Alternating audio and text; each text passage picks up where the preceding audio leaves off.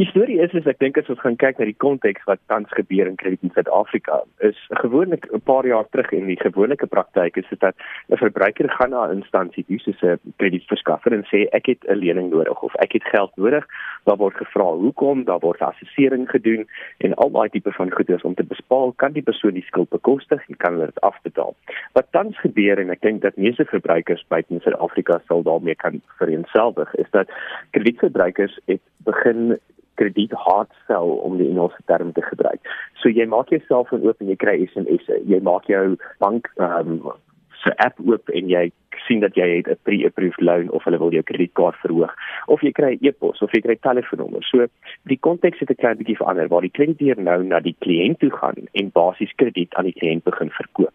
En dit is 'n baie gevaarlike ding want as ons gaan kyk na 'n kliënt wat moontlik dalk 'n klein bietjie onder finansiële druk is en sien dat hulle moontlik hierdie alreeds beskikbare bedrag geld nodig het, is die kliënt se se baie maklik om moontlik net daai knoppie te druk en dan binne 3 knoppies het jy die geld in jou rekening.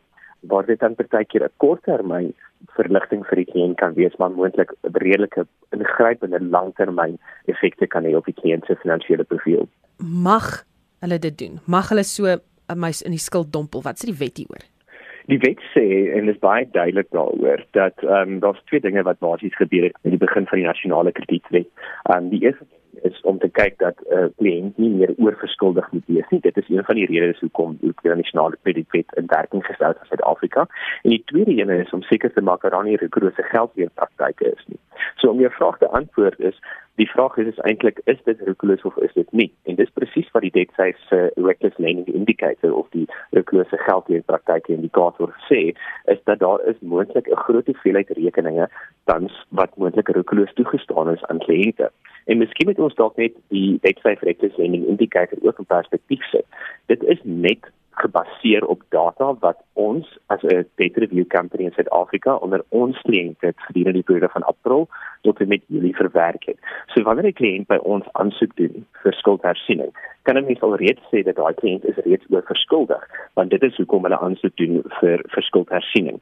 En dan het ons gaan kyk na wat is die kreditooreenkomste en ons het gaan bepaal is dit moontlik roekeloos of is dit moontlik nie roekeloos nie. Om te verhoed dat ek in so 'n slaggat trap, waarvan moet ek bewus wees? Die eerste ding waarvan jy moet bewus wees en en hierdie kant en is ek maar dat ek weer die Engelse terme gebruik, but there's two sides of the coin.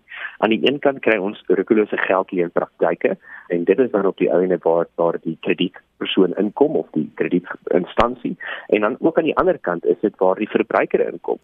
En die wet is ook baie duidelik daaroor dat die verbruiker moet saamwerk in gedurende daai proses van die evaluering. So baie belangrik is is wanneer jy gaan aansoek doen vir krediet, maak seker dat jy vir die kredietverskaffer al die regte inligting gee. Ehm um, moenie jok oor wat is jou begroting of wat is jou inkomste nie. Speel oop kaarte want op grond van daai inligting wat jy aan hulle op die ou ende gee, kan hulle assessering maak en bepaal kan jy hierdie kredietooreenkoms diens op die stadium en in maande wat kom met al jou reeds beskikbare krediet wat jy het en wat jy tans op jou profiel het.